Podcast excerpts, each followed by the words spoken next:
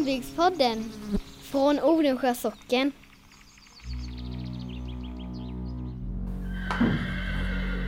Om precis då så fick han en örfil så hatten ramlade av honom. Och gubbarna blev så rädda så de började springa. Vänta lite så jag får rätt på min hatt, skrek Anders. Nej, han fick inte fatt i den. Men juldagen, då låg den där på kyrkogården. Nej, det går inte att jäckas med högre makter, det vill jag påstå.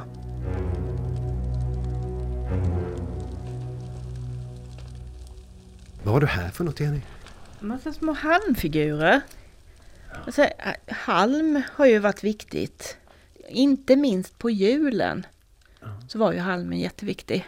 Det är massor med halmfigurer. Ja. Eh, De är väldigt de där delikat jag är ju lite gjorda. Lika, de här pratade om några sådana här små gubbar som man hängde upp i taket. Och sen så la, sparade man dem sen och la ut i, i, land, i åken och myllade ner för att det skulle bli bra skörd och sådär. Det gjorde man alltså, man la Ja, man sparade de här små, de såg ut som en liten gubbe och så hade man gärna ett litet äpple till huvud eller något sånt där. Och så sparade man dem hela året och sen myllade man ner dem i åken. Skulle det ge bra skörd? Nu undrar ni varför vi sitter och pratar om julgubbar och juldekorationer i halm. När det är, fåglarna börjar sjunga ute och det spirar i löven och sådär. Var, varför gör vi det? Jo, för att i Unnaryd ska de ha en utställning i sommar som handlar om julen förr. Och eh, det handlar mycket om halm, det handlar om halmbocken. Ninni Wittmar och Mikael Rosengren, de har ju gjort en film om halmbocken. Så de, eh, det kommer vara en del i den här utställningen, men sen kommer ju också den här lilla söta stugan vara bonad som en och i ordning gjord så att det ser ut precis som när det, man firade jul förr i tiden. Så man vill kan man alltså gå till Unnaryds hembygdspark och eh, uppleva julen mitt i sommaren. Det tycker jag är lite fint. Och titta dessutom på film, för den här filmen som Ninni och Mikael har gjort, den kommer att visas under de här dagarna då utställningen pågår. Ja, precis. Och sen varför man har valt att göra den här utställningen, det är ju, det är ju Bonadsmuseet. Bonaderna, när man hängde upp dem, var ju vid julen. Och då är det ju himla roligt att se en sån här miljö om, där man verkligen kan uppleva hur det såg ut. Hur magiskt det måste varit när man väl hade satt upp alla bonader på väggarna och, och pyntat och hängt upp dukar i taket och julljuset lyste på bordet och sådär. Och matbordet, inte minst, var dukat. Du kan ju massa om det här nu för du har samlat berättelser om julen förr och halmens betydelse då. Eh, Eller hur? Ja, precis. Och det är ju bara att dyka ner i de här folklivsarkivens samlingar. Det finns ju hur mycket som helst. Och så jag har hittat i Göteborg, jag har hittat i Lund och i eh, Växjö då. I de arkiven där på museerna och folklivsarkiven. Eh, och det har varit jätteroligt, spännande. Jag har ju lärt mig nya grejer igen. Så är det ju alltid. Man lär sig nytt. Massa historier kring de här små halmfigurerna som man egentligen inte tänker på. De, de döljs ju lätt bakom de gyllene kloten och allt, allting som har hamnat i granen på senare tid. Men, men det var så här det började en gång i tiden med de här små figurerna. Men du, vi ska inte prata så mycket om det här nu för att jag tycker man, man kan ju gå på utställningen i Unnaryds hembygdspark nu och titta där om ni lyssnar på det här nu under, under sommaren 2022. Och vi ska också få höra dina berättelser nu för du ska berätta för oss eh, läsa de här minnena du har hittat. Och det är mycket, det, det, det är någonting som heter åsgång som nämns gång på gång här. Det låter hur läskigt som helst när man hör det. Ja, det var det säkert. Eh, Alltså, årsgång är ju att man, för det första måste man hålla sig helt tyst. Man ska helst vara tyst hela dagen. Och sen tar man sig ner till kyrkan och går runt kyrkan tre gånger. Vid jul då. Ja, vid jul. Man ska blåsa tre gånger i dörren till sakristian. Sen kan man få se vad kommer att hända under året. Och Döingar och allt sånt där. Och när man är på väg därifrån så gäller det att gå med benen i kors. För annars kan ju kyrkogårdsvakten då springa mellan benen på en. I Odensjö är det en tupp Men på en del ställen så finns det ju då en gris och då är det ju det där hemska gloson. Och det är den med taggar på ryggen. Exakt. Får man den mellan benen då är det ingenting kvar. Nej, liksom. nej. Då är man eh, två delar så att säga, så det är ju därför man måste gå i kors. Okej.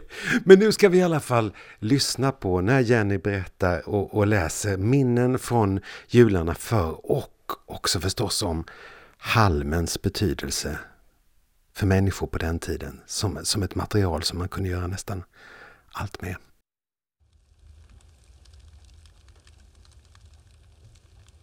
Tångaborg 29 12 1919. Herr redaktör. Jag är född den 1 juli 1850 på en tredjedels mantal kronohemman Helghult i södra Unneryds socken, Jönköpings län. Vi var 13 personer i hushållet. Far, mor, farfar, dräng, piga och åtta syskon. Och jag minns det mesta sedan jag var fyra år. Men nu får jag börja från den rätta ändan. Vi hade tiotalet nötkreatur. Däribland ett par stora slaktoxar varje år. Och så köptes det nya före våren. En grissugga varje år samt en myckenhet getter och får. Så slakten, den började vi med i oktober. Men de större djuren, oxarna, en ko samt suggan, den slaktades cirka 14 dagar före jul. Det var ett vådligt bestyr, ty då hackades kött och fläsk dag och natt av två män med yxor på stora kubbar. Köttet fyllde man i tarmar och gjorde korv av. Köttet saltades in och till det hade vi stora kar som rymde 400 till 500 liter. Karen hade pappa och farfar gjort själva av furukärna med band av grangrenar som togs från den egna skogen. Det behövdes också cirka en kubikmeter ved per dygn. Vi eldade i tio alnar stor öppen spis med gjuten häll som var cirka sex fot i ytterringen och från Åminne bruk. På den tiden så fanns det inte fotogen utan vi klyvde cirka 50 kärvar med tunna furustickor att ljusa oss med i de andra rummen. Men om det var något noga arbete som skulle göras så hade vi en så kallad ljuskärring av trä med en järnklyka att sätta stickan i. Nu började julstöket. Talgen skulle stöpas ljus av, cirka 30 kilo. De stöptes i en stor smörkärna, fem till sex åt gången. Två särskilda trearmade för julbordet. Och så julölet, 200 liter. Ack så gott vi hade det. Det dagliga brödet var bakat på havre och korn, men till jul då var det rågbröd må ni tro. Då bakades en hel massa samt även på några kilo vetemjöl. Och då fick vi vara med och baka varsin julhög. Hästar och hundar och grisar och tuppar och gud vet icke allt. Så kom dopparedagen, julafton. Då gick vi upp i för då skulle stugan klädas, överallt med julbonader. Det var två fot breda linnevävnader av olika längder, omkring 30 meter totalt, som var målade med bibliska motiv. Och var det någon fläck tom på väggen så hade man köpt nyare modepappersark att fylla med. Åh, vad det var vackert! Jag kan aldrig glömma det.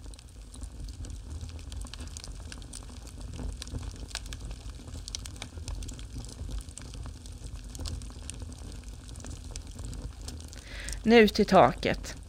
Vi hade en hel mängd med fina drällinnedukar. De skulle upp. Mor spika och vi höll. Men på duken mitt över slagbordet så fästes med nålar mors brudsilkeflor med långa fransar. Och mitt på det hennes brudgåva. Ett mycket stort silverhjärta, guldförgyllt med nio runda löv omkring en tvåörings storlek. Främst på bordet ställdes två silverbägare och två så kallade tumlare. Nu middag och doppa i grytan. varsin skiva bröd. Sedan plockade vi barn fram våra julhögar var och en på sin plats. Vid tretiden så kom far med julhalmen som ströddes ut på golvet. Det trearmade ljuset på bordet tändes och så kom mor med kaffe. Till kaffet fick vi rågbröd, smör och ost. Men vetebrödet fick gömmas till annat tillfälle, för det var inte mycket.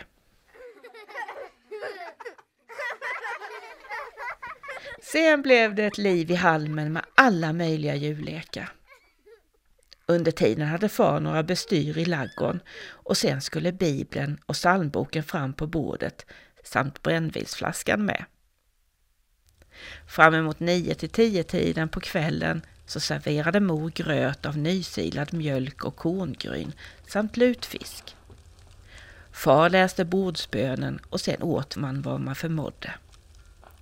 Efter maten så läste far samt sjöng några passande julverser som vi sjöng med i. Så i halmen igen tills några blev så liggande av trötthet. Vi hade också en mängd av hassel att roa oss med. Till slut tog sömnen ut sin rätt, men far och mor var vakna skiftesvis hela natten. Man trodde att klockan tolv så skulle ljusen som brann hela natten blixtra vid frälsarens födelse.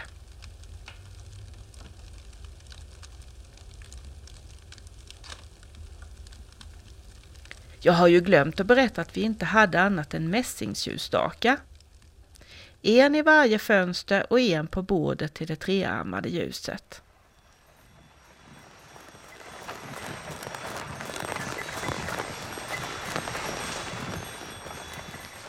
Vid fyra tiden så väcktes vi till julottan.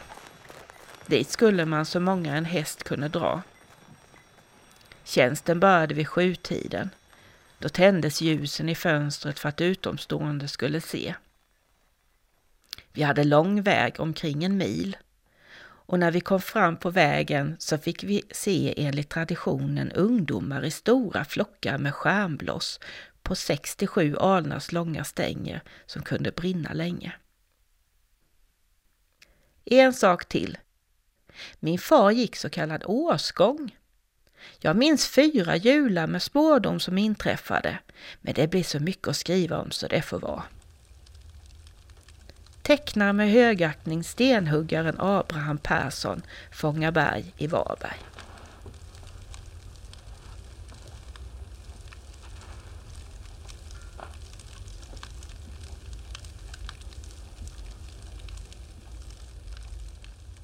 Maria Andersson, född 1865, berättar om sina minnen. Julklappar gavs på 1850 och 60-talet.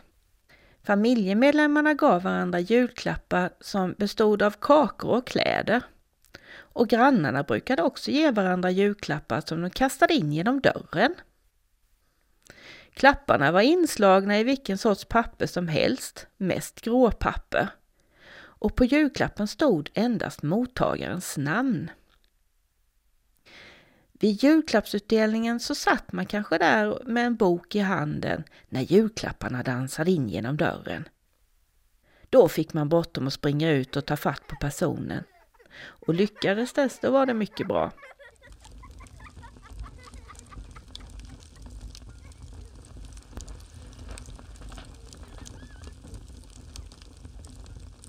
Alfred Johansson i Odensjö, född 1860, berättar om julen. Till jul skulle all tröskning vara gjord. Helst ett par, tre veckor före jul. På julaftons förmiddag så gjordes det fint i stugan. Det vill säga skurningen skulle vara undanstökad liksom slakt, bak, ljusstöpning och brygd. Renhållningen har blivit bättre på senare tider, det vill jag lova. Förr i världen, när man skurade till högtiderna, då kunde det hända att man tog in mökebåren från laggården och satte mitt på golvet. Sen var det till att slå ut ett par spannar vatten och blöta upp smutsen och sen kunde man bära ut både en och två bårar med smuts. Det har inte jag sett, men farmor har talat om det. Man skurade med björkkvastar och sand och framme vid spisen fanns det en liten lucka i golvet, skurluckan, där man spolade ner skurvattnet. Och sen sköljde och torkade man med vitmossa. På sina håll så la man in halm omedelbart efter skurningen för att golvet skulle hålla sig rent till julen. Och den tog sedan ut på julafton då golvet istället ströddes med finhackat granris. På julaftons förmiddag så hängdes en stor vit drällduk upp i taket och i mitten av den en mindre, kulört blommig sidenduk med fransar. I båda dukarna fästes äpplen och den grannlåt man hade. Vi brukade vira julakronor av ståltråd.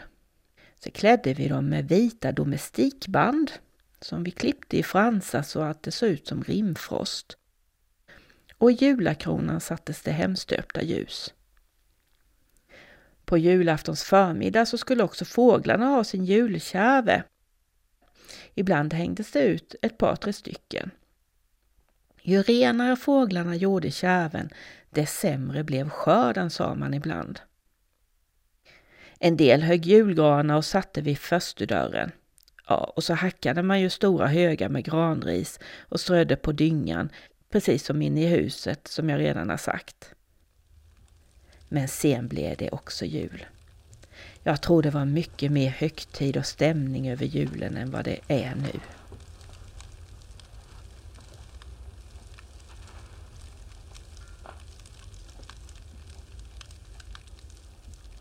Vid ett eller två tiden då doppas det i grytan och då skulle alla vara tvättade och helgdagsklädda.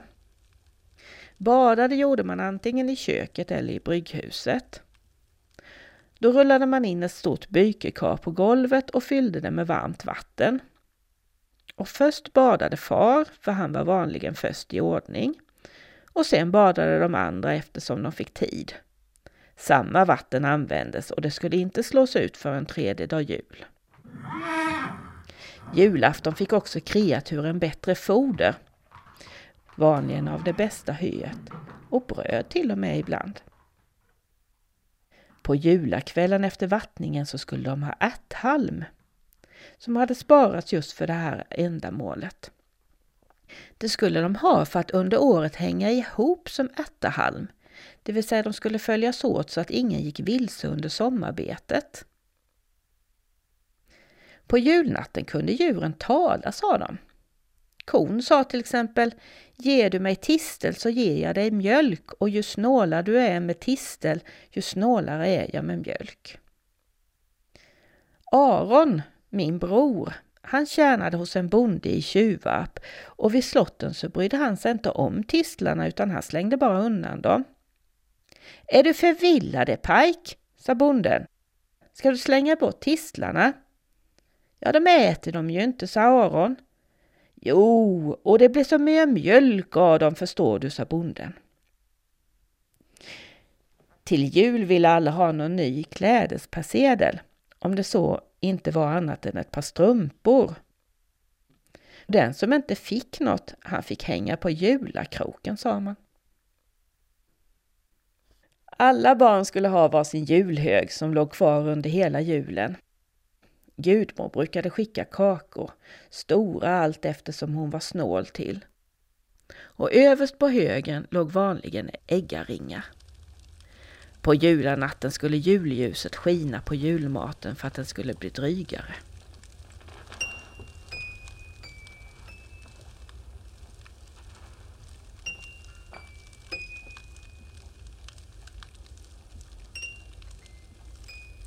De enda ställen där jag har sett julhalm inlagd på golvet, det är hos Kalles i Byholma och i fiskarstugan.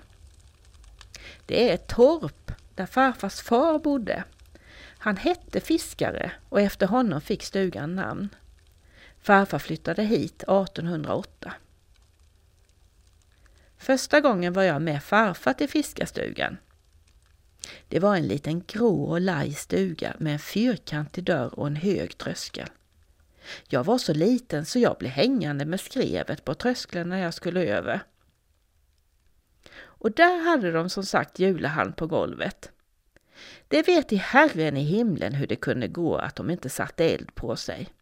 De eldade ju i öppen spis med graneknaggar som sprakade och smitte i halmen. Tretton dagen skulle i alla fall halmen ut och strös på åkrarna för att det skulle bli god gröda under det kommande året. Då var den söndersmulad till boss. För kan veta, där hade de ju hela julen legat och kultat och lekt sina lekar. Ja, en kan ju inte komma ihåg alla jullekar som ungdomar roade sig med på julagillen. Men en kallades att ta julpyttan. Då vred de ihop en halmsudd så att den liknade en docka och sen var det till att lägga sig på golvet. Sätta julpyttan strax bakom huvudet och försöka ta henne med benen. Det kunde se befängt tokigt ut när de låg där på golvet och kravlade och klippte med benen. En annan lek var att gå under hammarskaftet. Då tog man en hammare och fattade med båda händerna om huvudet och sen tog man spjärn med skaftet mot en vägg ända nere vid golvet. Sen gällde det att utan att släppa taget gå med huvudet under hammarskaftet. Ja, vi lovar att det var inte lätt. Halmen var ju så hal så en slant undan och det fordrades rätt goda krafter att stå lutad mot hammaren medan man kröp under. Man fick bara röra vid golvet med tåspetsarna och hammarskaftet. Ja, och så var det krypa till månen. Då fäste man en töm i ryggåsen så att den hängde ner i två skälkar, ungefär en decimeter över golvet. I vardera änden gjordes en ögla och så la man sig på magen, stack in fötterna i öglorna och sen gällde det att gå baklänges på händerna. Då sköt benen rätt upp i vädret och då hade man ju inte styrsel i kroppen utan snurrade man runt och slog pladask i golvet till stor glädje för alla som tittade på. Dra kattstrupe. Det gick till på det viset att två personer satte sig på golvet med fötterna mot varandra. Så lades en töm om nackarna på dem och sen gällde det att dra och streta och se vem som var nackastyvast. Man fick inte hjälpa till med händerna. Att dra kavel, det gick till på ungefär samma sätt, men istället för en töm så hade man då en käpp som båda höll i och sen gällde det att dra upp motståndaren. Julaljuset, det skulle brinna hela julnatten. Det är en sed som vi håller på än. Det sägs att vid midnatt så delar ljuset sig i två lågor. Julaljuset fick inte brinna ut alldeles utan man tog vara på bitarna. De användes som botemedel, till exempel att smörja på kornas juver om de blev såriga. Och det medlet kan allt vara bra än.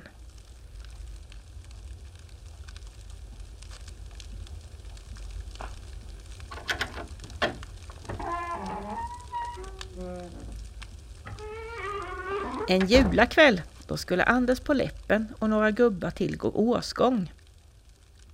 De var lite supna allihopa och kände sig vårdligt djärva. När de kom till kyrkan och skulle se in så skrek Anders Hopp så det ryker och sen så det fnyker.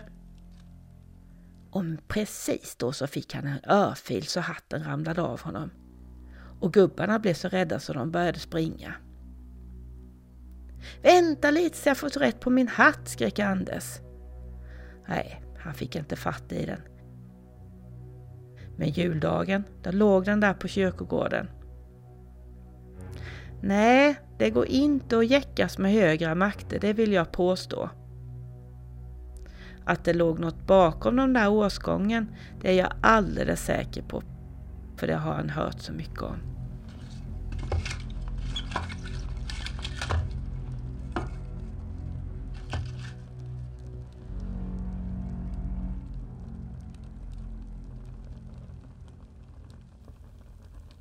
Så fort julottan var slut och man hade kommit ut på kyrkbacken, då var det till att lägga benen på ryggen och springa.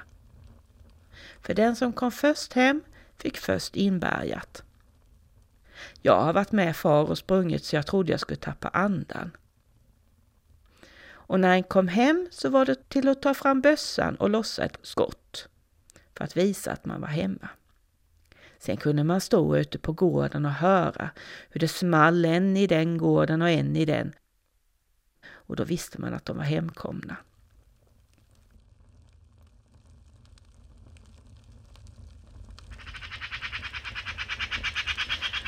Juladagen sa alltid farmor. Nu pojkar ska vi ut och skatta skator så ni blir kvicka till året. Och så gav vi oss ut och springa. Hon var rätt så kavig gumman och lätt på foten så hon fick oss att springa ordentligt. Juldagen börjar skatorna bygga sina bon. Annars skulle man inte gå någonstans på juldagen. Det var inte passande utan när man hade kommit hem från kyrkan så var det till att äta lite och sen gick man och la sig. Ljus, bröd och halm var viktiga delar i julfirandet förr i tiden. Aron Gällestorp i Odensjö, han berättar om ett julakvällsljus. Det var tjockt som en arm och tändes på julaftonskväll och brann sen hela natten. Och då var en person tvungen att sitta uppe och vakta det. Biten som blev kvar gömdes med stor omsorg i ett särskilt skrin och till barnen i gården döpte man ett tretagsljus åt var och en. Någon annan berättar om att hela julnatten så skulle julmaten stå på bordet och ljuset skulle brinna hela natten. Släcktes det så trodde man att någon skulle dö under året. En julmorgon när far och mor skulle iväg till kyrkan så knackade det på dörren och när de ropade stig in så släcktes ljuset. Det året dog en syster till mig. Och ytterligare en annan berättar om att julanatten ska en inte duka av bordet utan det ska stå som man lämnade det efter kvällsmat för att det ska bli rik välsignelse under året. Likaledes ska det brinna ljus hela natten det är två gamla sedvänjor som vi har hållit på i hela mitt liv och som vi håller på än. Precis klockan tolv ska lågan på julaljuset dela sig och så ska det slå upp två lågor med anledning av frälsarens födelse. Fast det har jag aldrig sett, fast jag har suttit och tittat på det många gånger.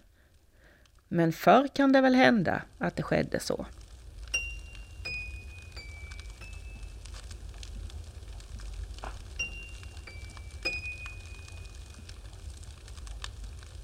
Maten på julkvällsbordet ska ej tagas bort, för tomten ska in sen och äta när husfolket har gått och lagt sig. Då ska det bli god sämja inom byn. Så var det det här med bröd. Till jul så bakades i regel tre till fyra bak så att det skulle räcka till våren. Till själva julen används mest rågbröd och av finare mjöl så bakades det julagubbar med ögon av pepparkorn. Och så vankades det julkakor, en stor, en mindre och en julagubbe ovanpå. Till jul bakades i regel tre till fyra bak så att det skulle räcka till våren. Till själva jul användes mest rågbröd och av finare mjöl så bakades det julagubbar med ögon av pepparkorn och så vankades där julkakor. En stor, en mindre och sen en julagubbe ovanpå. Och det berättade Gunnar Eriksson i Odensjö, men som var född i Färjaryd 1888.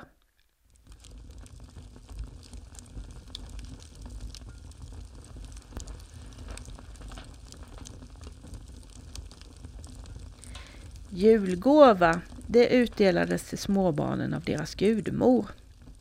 Och det bestod av en rågbrödkaka, några stycken kringlor bakade av siktat rågmjöl samt en bakad häst, bock, gubbe eller kärring med pepparkorn till utgödsel.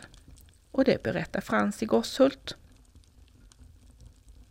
Jag har hört av många gamla att om julen bar de in halm av havre eller korn när de skulle ha ett julkalas så gjorde man av halmen en höna.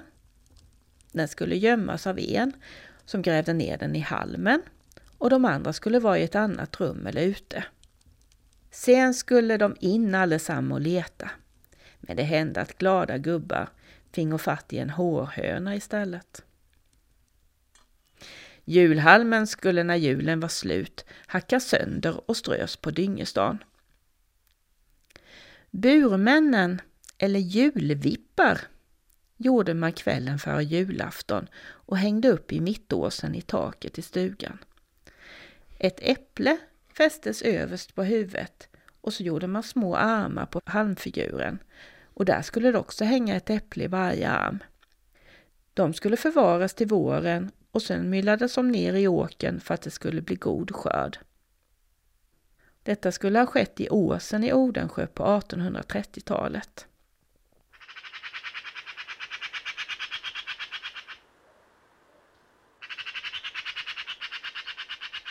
Fågelkärvar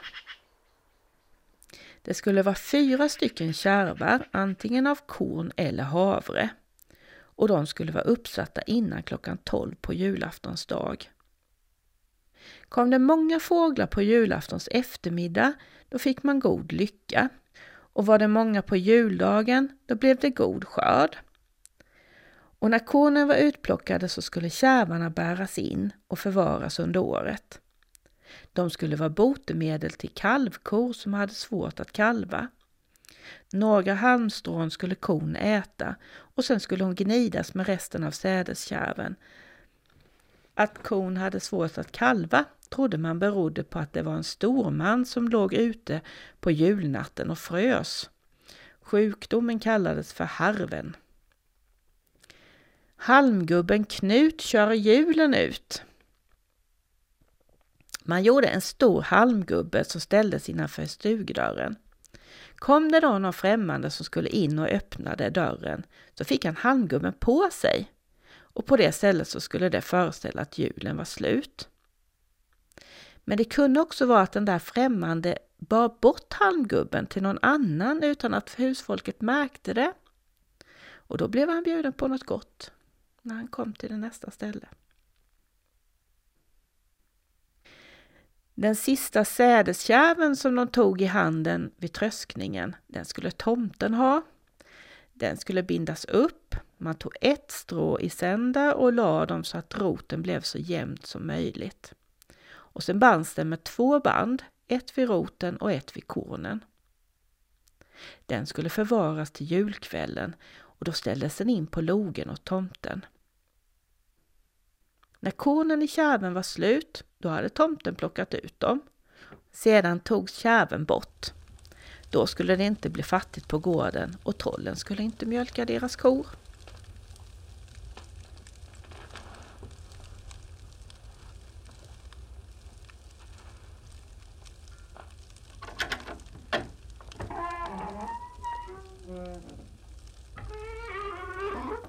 I Nye socken i östra Småland då berättas om julbocken som var vanlig på många ställen i Sverige.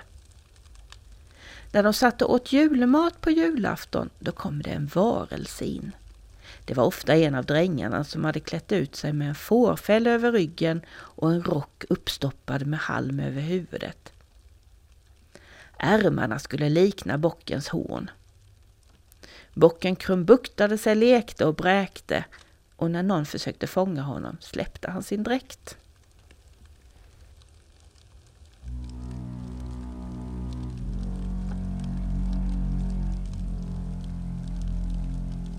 Under julen trodde man att man på olika sätt kunde få veta hur det kommande året skulle bli.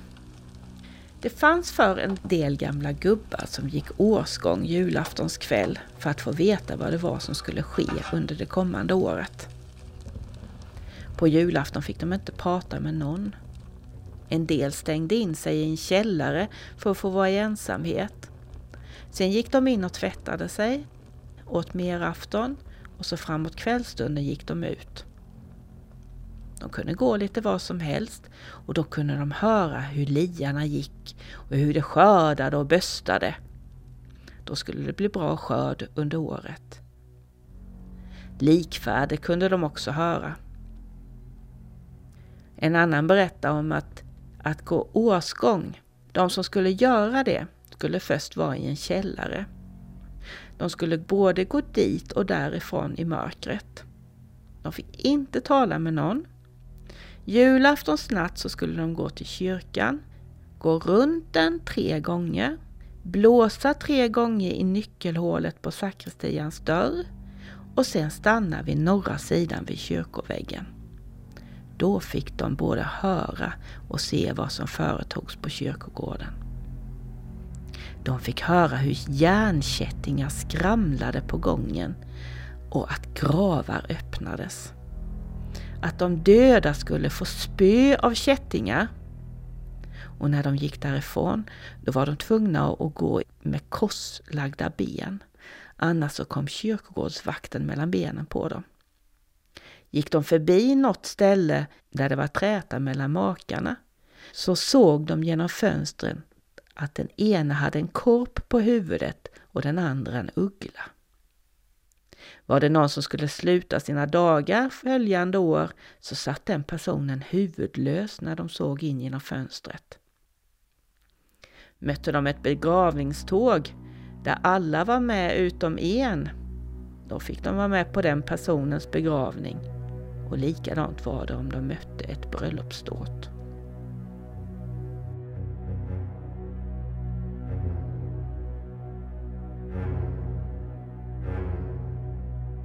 Lång tid tillbaka, då skulle husfadern på julaftonsdags morgon bygga den så kallade julveden. Den skulle vara av bok eller björk, lika lång samt fyrkantigt släthuggen. När de sedan hade ätit kvällsmat och skulle lägga sig, då la husfadern veden på spisen. Brasan fick inte röras förrän de var hemma från julottan och då skulle de titta på kolen och askan. Var det mycket stora kol, då skulle det bli många stora mäns död. Var det små kol, då var det smått folk. Var det mycket aska, då skulle det bli god skörd. Och var det mycket med vita fjun i askan, då kunde det bli en sträng vinter. Var det kol som liknade kreatur, då skulle de mista dem under året och var det ett kol som liknade en människa så skulle någon dö i familjen. Det fanns för en del gamla gummor som hade så säkert för sig att man kunde ta tydor av julbrasan. De la stora brasor på julaftonskvällen och den fick ingen röra utan den skulle brinna ner orörd. Den första som steg upp juldagsmorgon skulle så gå och titta efter i askan fanns det då märken precis som steg. Och om de gick inåt, då skulle det födas någon i huset under året. Men om stegen gick utåt, då skulle någon dö. Frun jag tjänade hos, hon brukade alltid gå upp tidigt på juldagsmorgon och titta efter i askan om det skulle hända något under året. En gång sa hon, ja, det hände dödsfall i år. Gör det, och vem blir det? frågade vi. Det kan jag inte säga. Jag har sett något, men jag säger ingenting nu. Jag vill se om det slår in först. Och mycket riktigt. Under året dog det två stycken av barnen i feber. Så det blev som hon hade sett. Hon hade sett två små fötter som gick utåt. Ja, det var som de hade det förr. Nu bryr de sig inte så mycket om sånt.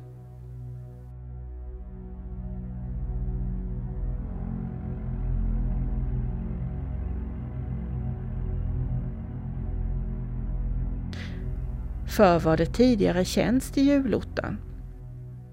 För att få plats i kyrkan så gick man dit mycket, mycket tidigt.